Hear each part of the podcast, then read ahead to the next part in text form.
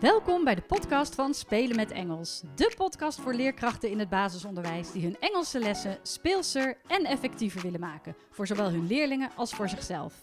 Mijn naam is Lauren en ik vertel je alles wat je wil weten over Engels. Hoe bedenk je inspirerende, afwisselende en communicatieve lessen? Hoe zorg je ervoor dat al je leerlingen betrokken zijn en blijven? Hoe wordt en blijft Engels een vast onderdeel van jullie onderwijsaanbod? Kortom, alles wat je wil weten over Engels op de basisschool. Ik wens je veel plezier met luisteren. Aflevering 64 van de podcast van Spelen met Engels. En je luistert alweer, wat superleuk. Um, in deze aflevering bespreek ik een gedeelte uit hoofdstuk 8 van het boek Engels in het basisonderwijs, meer dan de kennisbasis vakdidactiek. En dat gaat over doorlopende leerlijnen. Um, het boek is zeker aan te raden als je um, student bent op de PABO, maar ook als je op een school werkt waar Engels wordt gegeven vanaf groep 1. Het is een heel uitgebreid boek waarin alle theorie vermeld staat en dat wordt ook nog eens ondersteund met praktijkvoorbeelden en een website waarin je onder andere ook uh, uh, samenvattingen vindt, toetsvragen en filmpjes die door mijzelf zijn gemaakt. Nou, hoe leuk is dat? Um, en ben je meer van de praktijk? Dan kan ik je sowieso mijn online cursussen aanraden. Daarin doen we heel kort wat theorie, maar gaan we vooral, uh, ja, leg ik vooral uit hoe je dat nou als juf of meester in de praktijk kunt toepassen. Al dat Engels en alle informatie die, je, uh, ja, die er is over Engels op de basisschool. Hoofdstuk 8 gaat over doorlopende leerlijnen. En dat gaat ook over eh, de diverse scenario's die er voor Engels zijn op de basisschool. Het is niet zo dat er een, uh, een, een, standaard eis is voor Engels, zoals bij rekenen of bij taal um, of bij gym. En dat je dan al in groep 8 een eindtoets hebt. En dan is iedereen zo'n beetje op een bepaald niveau. En dan gaan ze naar VMBO, HAVO, VWO of gymnasium. Helaas uh, is het voor Engels lekker vrijblijvend, nog steeds. En daardoor ontstaat er enorm veel diversiteit binnen uh, de scholen. En dus ook met een, een enorme. Er is dus ook een enorme diversiteit voor de uitstroom van leerlingen. Sorry, mijn telefoon stond nog aan. Ik heb hem nu zacht gezet. Uh, waarschijnlijk hoorde je de ping.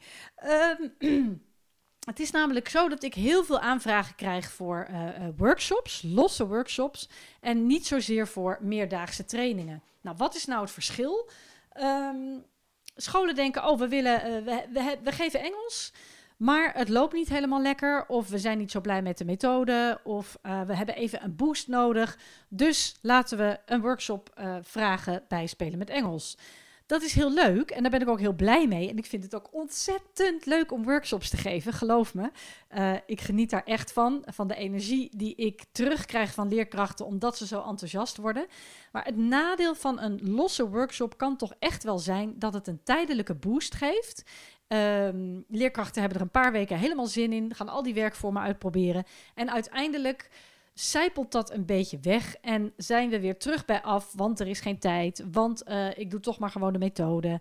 Uh, of de ene leerkracht doet het wel en de andere niet. Dus um, en dan, ja, dan krijg je dus niet echt een, een goede doorgaande leerlijn of uh, een team waarbij alle neuzen dezelfde kant op staan, omdat iedereen maar wat doet.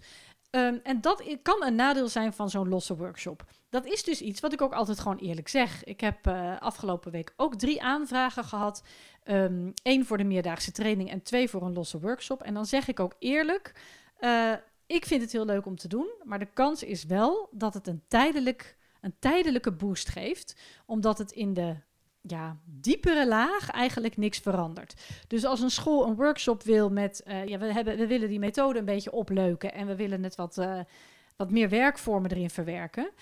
Um, dan kan het nog steeds zo zijn dat de helft van het team het überhaupt niet leuk vindt om Engels te geven, omdat ze er onzeker over zijn, omdat ze hun eigen taalvaardigheid niet goed genoeg vinden.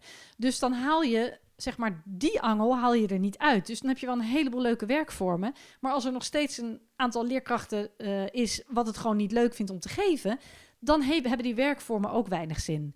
Um, en zo geldt dat ook bijvoorbeeld voor. Uh, we willen differentiëren, dat hoor ik ook vaak. We willen iets met differentiëren doen. Um, dat, is, dat vind ik een hele goede en dat is ook heel belangrijk, want er zijn heel veel grote verschillen tussen leerlingen. Zeker naarmate ze ouder worden. Hè, hoe meer leerlingen buitenschoolse input krijgen op het gebied van Engels, um, hoe groter uh, de verschillen worden. Want die leerlingen zijn gewoon een stuk verder in hun eigen taalvaardigheid dan leerlingen die niet zoveel met Engels in aanraking komen buitenschool. Dus dat differentiëren is een heel belangrijk onderwerp. Maar wat nou als de basis er nog niet is? Wat nou als de ene leerkracht maar een half uurtje Engels geeft, de andere leerkracht doet het volgens de methode, een derde leerkracht verzint zelf iets omdat hij dat eigenlijk leuker vindt, uh, een vierde leerkracht slaat het eerlijk gezegd wel eens over, want uh, we hebben het al zo druk. Um, weet je, dan kun je niet ook nog differentiëren erbij gooien, want de basis is niet goed. En dat probeer ik dus bij scholen altijd heel, veel, heel goed duidelijk te maken. Is de basis er wel? Is er wel een leerlijn? Staan alle neuzen dezelfde kant op? Is het doel helder? Um, ik heb daar natuurlijk al eerdere uh, podcasts over opgenomen. Uh, sowieso zou ik, um, even kijken hoor, podcast 2 willen aanraden. Dat is hoe en wanneer kies je een methode. En daarin ga ik ook wat dieper in op uh, de doelen die je als school kunt stellen. En wat je visie is op het gebied van Engels. Maar ook podcast 48. En podcast 48 gaat over de landelijke standaard VVTO. Dus daar kom ik straks nog eventjes op terug met die scenario's. En ik heb natuurlijk um, heel veel interviews ge uh, gegeven of gehad, gesprekken gevoerd met uh, coördinatoren Engels. Dus coördinatoren VVTO of coördinatoren Engels. En die kan ik je ook zeker aanraden, omdat je dan echt inzicht krijgt in hoe andere scholen dat hebben aangepakt. Nou, um, Even terug naar hoofdstuk 8 van het boek dus. Uh, en die verschillende scenario's.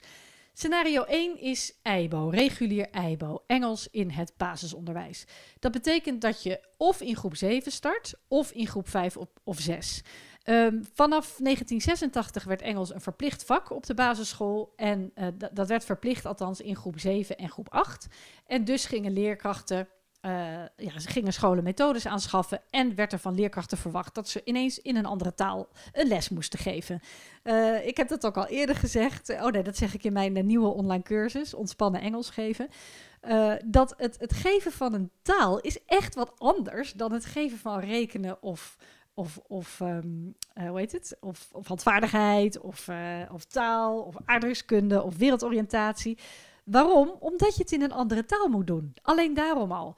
Dus je kan wel een methode hebben en denken, nou, nu gaan we Engels doen. Maar het betekent ook dat je daadwerkelijk Engels moet praten. En heel veel leerkrachten vinden dat spannend, denken dat ze er niet goed in zijn. En dan krijg je in één keer een methode voor je neus. Succes, ga jij maar Engels geven. Ja, dan kan het ook nog zo zijn dat veel leerkrachten gewoon in het Nederlands praten tijdens de Engelse les. Maar wel Engelse filmpjes opzetten of uh, Engelse zinnetjes voorlezen. Maar als je echt Engels wil geven op de juiste manier, is het natuurlijk de bedoeling dat je doeltaal ook je voertaal is. Maar goed, dus um, dat werd in 1986 verplicht en er werden methodes aangeschaft en leerkrachten gingen dus in groep 7 en 8 een half uurtje Engels geven. Sommige leerkrachten of sommige scholen besluiten ook om in groep 5 of 6 te beginnen. Ook dat is regulier EIBO. Ga ervan uit dat het ongeveer 30 minuten per week is en het is echt als voorbereiding op het voortgezet onderwijs. Je wil dat leerlingen kennis maken met het, het taalleerproces, met een vreemde taal. Dat ze bewust worden van buitenschools Engels. Um, dat je ook de integratie krijgt van dat wat ze buitenschool opdoen aan kennis uh, met wat ze in school opdoen. Uh, je wil zoveel mogelijk de spreekvaardigheid stimuleren en natuurlijk gewoon de motivatie überhaupt om meer Engels te leren. Dat is EIBO. Um, nog steeds denk ik het grootste deel van de basisscholen die dit, deze vorm van Engels uh, geeft. En uh, ja, dat is soms best lastig, want er zijn veel leerlingen die zich dan toch niet um, capabel genoeg voelen als ze naar de brugklas gaan. En dat krijg je dan ook weer te horen van het voortgezet onderwijs, dat die kinderen te weinig uh, kennis hebben van de basisthema's van Engels. En dan moet je denken aan my family, my house, uh, jobs, transport, holidays. Um, nou, ga zo maar door. Kleuren ga ik toch vanuit dat ze dat wel kunnen en tellen in het Engels ook wel. Maar een beetje die basisthema's die je eigenlijk al in groep 1 of 2 of 3 of 4 doet, ja, die worden dan natuurlijk pas op een later moment um, op de basisschool gegeven. Um, daarnaast is het zo dat als je pas in groep 5, 6, 7 of 8 begint, zeker in groep 7 of 8, de gêne om Engels te spreken gewoon wat groter is. Dus kinderen vinden het wat ongemakkelijker om in één keer in een andere taal te gaan spreken. En dat de juf of meester dat ook ineens doet, dat is ook maar raar. En uh, ja, ik ga echt geen Engels spreken hoor. Dat, een beetje die houding krijg je dan natuurlijk. Terwijl, loop maar een kleuterklas binnen en zing een Engels liedje. En al die kleuters doen mee. Die hebben daar geen enkele moeite mee, vinden het alleen maar leuk. Hebben niet eens door dat, het, uh, ja, dat ze een taal aan het leren zijn. Dus scenario 1, EIBO. Ehm, en ik hoor heel graag van jou of jij inderdaad op een EIBO-school werkt en wat jouw ervaring daarmee is. Ben jij leerkracht in de bovenbouw in groep 7 en 8? Moet jij net met Engels beginnen dus? Ehm, dan kom je misschien ook wel vaak tegen dat uh, de methode vaak te kinderachtig is of juist veel te moeilijk, omdat de methode eigenlijk al gebaseerd is op het feit dat ze eerder Engels hebben gehad, die kinderen. Maar ook als je zelf materiaal zoekt, dan kom je vaak op veel te kinderachtige liedjes op YouTube, want je wil iets over My Family vertellen, maar je wil niet Daddy Finger, Daddy Finger zingen met kinderen van 10 of 11. Uh, eh, dus het is best een lastig moment om met Engels te beginnen, vind ik. Maar volgens mij ook best wel uh, met mij een aantal leerkrachten. Het is gewoon, uh, ja, het is gewoon best wel pittig. Um, dat is scenario 1, regulier EIBO. Scenario, scenario 2 is versterkt Engels. Ook dan begin je met Engels in groep 7 of in groep 5 of 6. Maar er is wel meer lestijd dan het regulier EIBO. Dus je gaat wel echt wel uit van 45 minuten tot een uur uh, op het rooster. Dus het is iets uitgebreider. Er is iets meer cultural awareness en ook meer gericht op internationalisering. Um, je kunt het ook zo zien dat, uh, dat, dat er bijvoorbeeld een half uur standaard Engelse les is, maar dat je dan ook nog Engels combineert met andere vakken. Dat is versterkt Engels. Um, even kijken of ik daar nog iets verder uh, nog meer over wil zeggen. Uh, ja, waar, ze dan, waar dan ook wel echt nog op gelet wordt, bijvoorbeeld met, die, um, met internationalisering, is dat je dus echt kijkt naar extra mondelinge taalvaardigheid. Dus bijvoorbeeld kunnen communiceren met kinderen uit een ander land. Uh, leesvaardigheid, bijvoorbeeld uh, brieven naar elkaar schrijven. Hè, dat is dan ook schrijfvaardigheid. Dat je brieven uh, schrijft naar een ander land of e-mails met, um, met een partnerschool bijvoorbeeld. En, en ook opzoekvaardigheid is belangrijk bij, deze, bij, bij dit scenario, versterkt Engels. Um, denk ook aan Skype, aan chatten met anderen. Dus het is echt wel meer gericht op internationalisering. Scenario 3 is structureel VVTO. Dus uh, dan ga je echt kijken naar de landelijke standaard VVTO met vier eindniveaus. En daar had ik het net over, die podcast die ik noemde. Wat zei ik? Podcast aflevering 48. Dan ga ik daar ook wat dieper op in. Um, en ja, uh, de landelijke standaard VVTO, dat is dus dat je Engels geeft vanaf groep 1 dat je um, minimaal één uur in de week uh, Engels geeft. En dat doe je in de onderbouw natuurlijk op verschillende momenten. Niet een uur achter elkaar. Dat zou een beetje te veel van het goede zijn voor kleine kinderen. Um, er is een doorgaande leerlijn en um, de leraar gebruikt de doeltaal continu als voertaal en is ook nageschoold op minimaal niveau B2. Uh, de leraar stimuleert ook de interactie in de doeltaal, hè, dat leerlingen onderin, onderling en naar hem toe of haar toe Engels praten. En de, het team is ook nageschoold in de didactiek van het geven van een vreemde taal. Dus uh, hoe leert een kind eigenlijk een vreemde taal? Weten jullie van de schijf van vijf voor vreemde talen? Uh, het vierfase model? Hoe, uh, wat is de opbouw eigenlijk van input naar output? Uh, dat is de didactische training die ik dus ook aanraad aan scholen die uh, echt serieus met Engels aan de slag willen gaan. Um, en die ik dus ook altijd even benoem als, men, als scholen om een losse workshop vragen.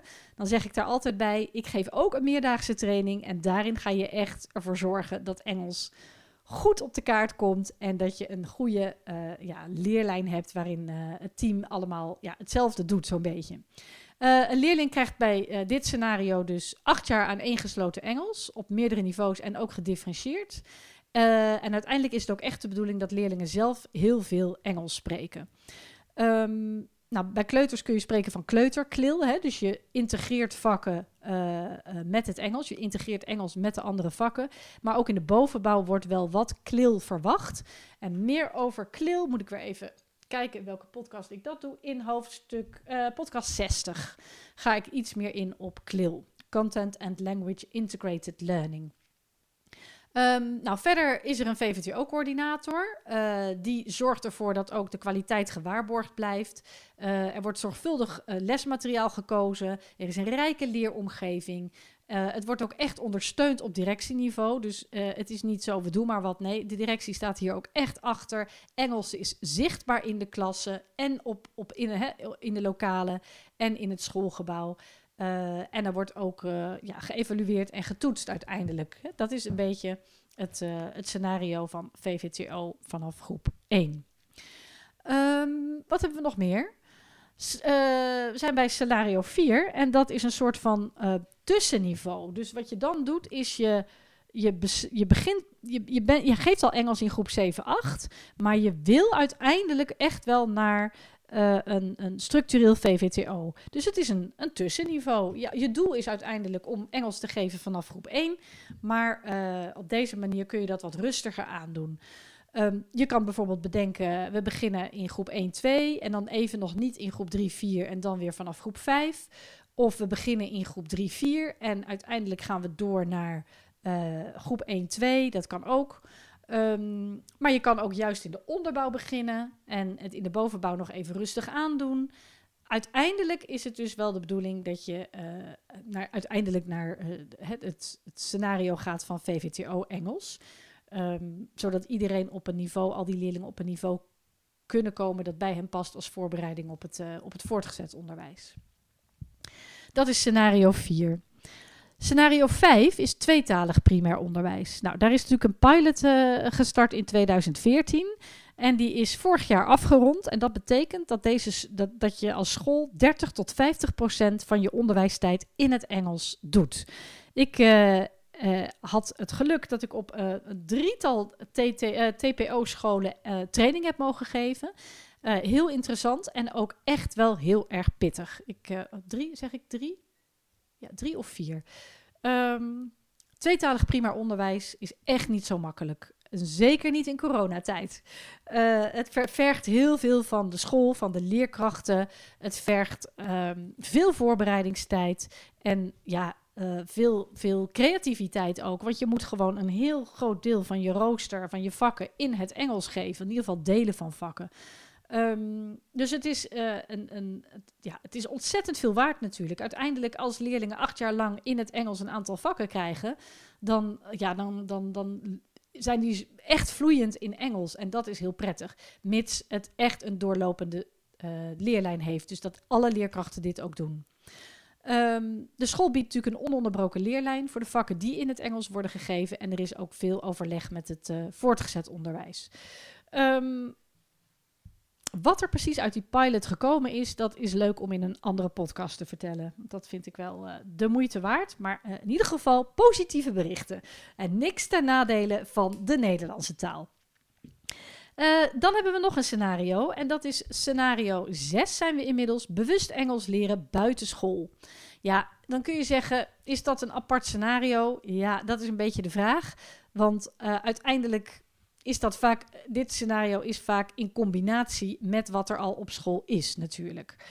Um, maar goed, bewust Engels leren buitenschool is, dat is zo omdat gewoon er steeds meer leerlingen te maken krijgen met Engels via gamen, cursussen, kinderclubs, iPad, liedjes, chatten.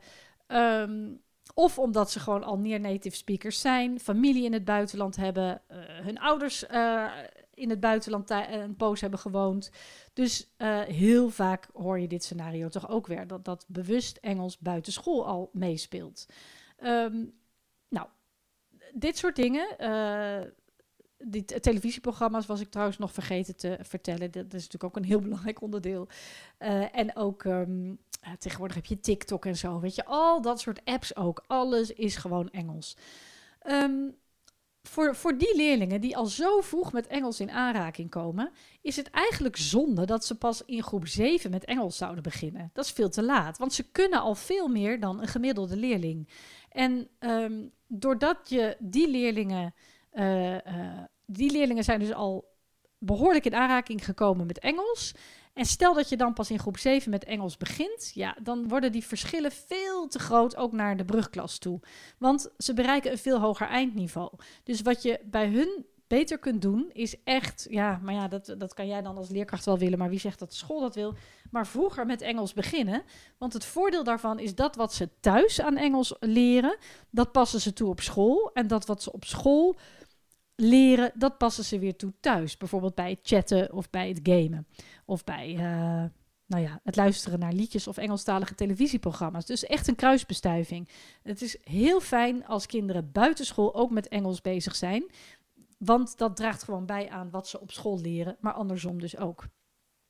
Uh, dit zijn eigenlijk de zes scenario's uh, die er voor Engels zijn. Waarbij dat zesde scenario natuurlijk eigenlijk altijd een combina ja, eigenlijk in combinatie gegeven wordt met een van de andere vijf scenario's. Nou, wat belangrijk is, is dat jij als met jouw school, met jouw team eens gaat nadenken over wat is eigenlijk ons scenario. Doen wij IBO, dus vanaf groep 7 of 8 of 5 of 6. En uh, zijn wij wel voorstander van uh, het tussenniveau? Dus willen wij uiteindelijk wel naar het scenario waarin we Engels geven vanaf groep 1? Of blijven we Engels geven vanaf groep 7 of 8? En wat doen we dan met die kinderen die zoveel buitenschools Engels hebben gehad? Hoe kunnen we hen stimuleren en motiveren en ook verder helpen op het gebied van Engels? Geven we Engels vanaf groep 1? Doen we dat dan uh, zomaar, een beetje hapsnap, omdat het nou eenmaal hoort en we doen af en toe een liedje? Of zijn we echt serieus bezig met VVTO, met vroeg vreemde talenonderwijs, waarbij het heel duidelijk is wat we in groep 1-2 doen, in groep 3-4. en dan gaan we naar de middenbouw en ook groep 5 weet precies wat er in de onderbouw is gedaan. Er is een doorgaande leerlijn, we weten allemaal wat we doen. En we geven minimaal één uur in de week Engels, waarin de voertaal zoveel mogelijk Engels is, zodat kinderen met een goed niveau die basisschool verlaten en naar het voortgezet onderwijs gaan. Of geven we maar gewoon een beetje hier en daar wat Engels. Uh, maar ja, we geven wel Engels vanaf groep 1. Maar is het eigenlijk een beetje ja, af, leerkrachtafhankelijk? En dan moet je je afvragen, heeft dat wel nut? Heeft dat wel zin? Ook dat volgens mij leg ik wel wat meer uit in podcast aflevering 48. Um, en dan TPO natuurlijk, tweetalig primair onderwijs. Ik, zou, uh, ik ga toch nog eens even contact zoeken met die scholen, ook omdat ik daar, uh, ik zou het leuk vinden om daar ook eens in gesprek mee te gaan voor een podcastaflevering. Wat zijn nou de voor- en nadelen? Wat, wat, waar loop je allemaal tegenaan als je tweetalig primair onderwijs geeft? Um, en wat zijn de leuke dingen? Daar ben ik wel echt heel erg benieuwd naar. Nou, dit waren uh, de scenario's die je terugvindt in hoofdstuk 8 van Engels in het basisonderwijs. Het is dus heel belangrijk om zo'n scenario te kiezen en daar ook echt een leerlijn op te gaan schrijven. Uh, en, en je, je, doelen helder te hebben. Wat willen we nou als kinderen die basisschool verlaten? Hoe willen we dan, uh, welke bagage willen we ze meegeven op het gebied van Engels? Wat wordt de, de doorlopende leerlijn eh, binnen onze school, maar ook naar het voortgezet onderwijs toe? En uh, hoe zorgen wij voor een heldere informatieoverdracht? Um, en ook, wat is de individuele leerlijn van leerlingen? Weet je, probeer ook daar recht aan te doen. Maar dat is weer dat differentiëren. Ja, en dat is helemaal niet zo makkelijk. Dan moet eerst je Engelse onderwijs goed staan. En als dat goed staat en dat helder is, dan kun je eens gaan kijken: oké, hoe gaan we nu differentiëren? Hoe gaan we ervoor zorgen dat ook die hele gevorderde leerlingen tot hun recht komen? En juist ook de kinderen die er veel meer moeite mee hebben. Nou, dat was even de. Uh, ja, hoofdstuk 8. En ik hoop dat je er wat aan hebt aan die scenario's. En dat ik je ook een beetje aan het denken zet hiermee. En dat je hiermee misschien ook weer terug kan naar jouw team. Van oké, wat gaan wij nu doen? Wat wordt ons scenario? En, al, dan, en, en ga daar dan ook echt voor. En zorg er dan ook voor dat dat scenario goed staat. En dat het team daarvan op de hoogte is. En dat allemaal, um, ja, dat, dat iedereen dus hetzelfde doet. Um, heb jij nou teamleden, heb jij collega's op jouw school die Engels geven vreselijk vinden, omdat ze gewoon denken dat ze er niet goed in zijn, omdat ze daar heel onzeker over zijn over hun eigen taalvaardigheid? Uh, ik wil je nog eh, vertellen dat de online cursus uh, Ontspannen Engels geven nog steeds met korting te verkrijgen is tot 1 februari 2024. Dus nog een paar dagen. En dat betekent dat je 20 euro korting krijgt met de code PILOT 20. En pilot is met hoofdletters. Um, dan in zo'n cursus, dat is de, eerste module heeft drie lessen en de tweede module heeft vier lessen. Ga je aan de slag met je eigen, je eigen, met je eigen mindset. Um, ga je ervoor zorgen dat je Engels op een andere manier gaat geven, waardoor het leuker en relaxter wordt. En dat heeft natuurlijk direct effect op je leerlingen en op je Engelse lessen. Je gaat het met meer plezier doen en je gaat zorgen voor een veilige sfeer in de klas. Voor jezelf en voor je leerlingen. Die veiligheid is heel belangrijk. Um, en je gaat ook laten zien dat fouten maken oké is. Dat het niet erg is, dat je niet perfect bent. Dat niet iedereen overal even goed in kan zijn. Die cursus heeft natuurlijk ehm, ook twee werkboeken. Bij elke module zit een uitgebreid werkboek met, uh, met praktijkopdrachten die je kunt doen. De theorie die ik in de filmpjes vertel, staat daar, staat daar nog eens rustig uh, uitgeschreven. Je gaat die uh, praktijkopdrachten doen. Je kunt dat delen met andere cursisten in een online community. En na het volgen van de cursus sta je gewoon relaxed voor de klas. Echt waar. Heb je veel meer plezier in je Engelse lessen. Heb je je methode een beetje ja, wat leuker en losser gemaakt. En uh, ja, je zult zien dat dat dus ook direct effect heeft op je leerlingen. Maar goed, ga, ga gewoon daar even. Eh, ik zal de link ook hier onder de, bij de podcast zetten. Ga gewoon een kijkje nemen. Er is een introductiefilmpje dat je kunt bekijken. En alle informatie staat ook zwart op wit op de, op de website natuurlijk. Uh, ik hoop je daar te zien. En anders in ieder geval tot de volgende podcast. Doeg! Wat leuk dat je luisterde naar deze podcast. Heb je nog vragen? Bijvoorbeeld over het voorbereiden van een les, het uitvoeren van een werkvorm of over Engels bij jou op school? Of wil je misschien meer weten over de studiedagen, de online cursussen en het lesmateriaal dat Spelen met Engels verzorgt? Je kunt me altijd mailen op info@spelenmetengels.nl. En ook op de website, de Facebookpagina en het Instagram-account vind je enorm veel inspiratie. Het is mijn doel om alle leerkrachten in het basisonderwijs met plezier hun Engelse lessen te laten voorbereiden en te geven. Dus als je deze podcast zou willen delen met collega's of op social media, dan stel ik dat enorm op prijs. En vergeet dan niet spelen met Engels te taggen. Nogmaals bedankt voor het luisteren. Heel veel plezier met je Engelse lessen en tot een volgende keer.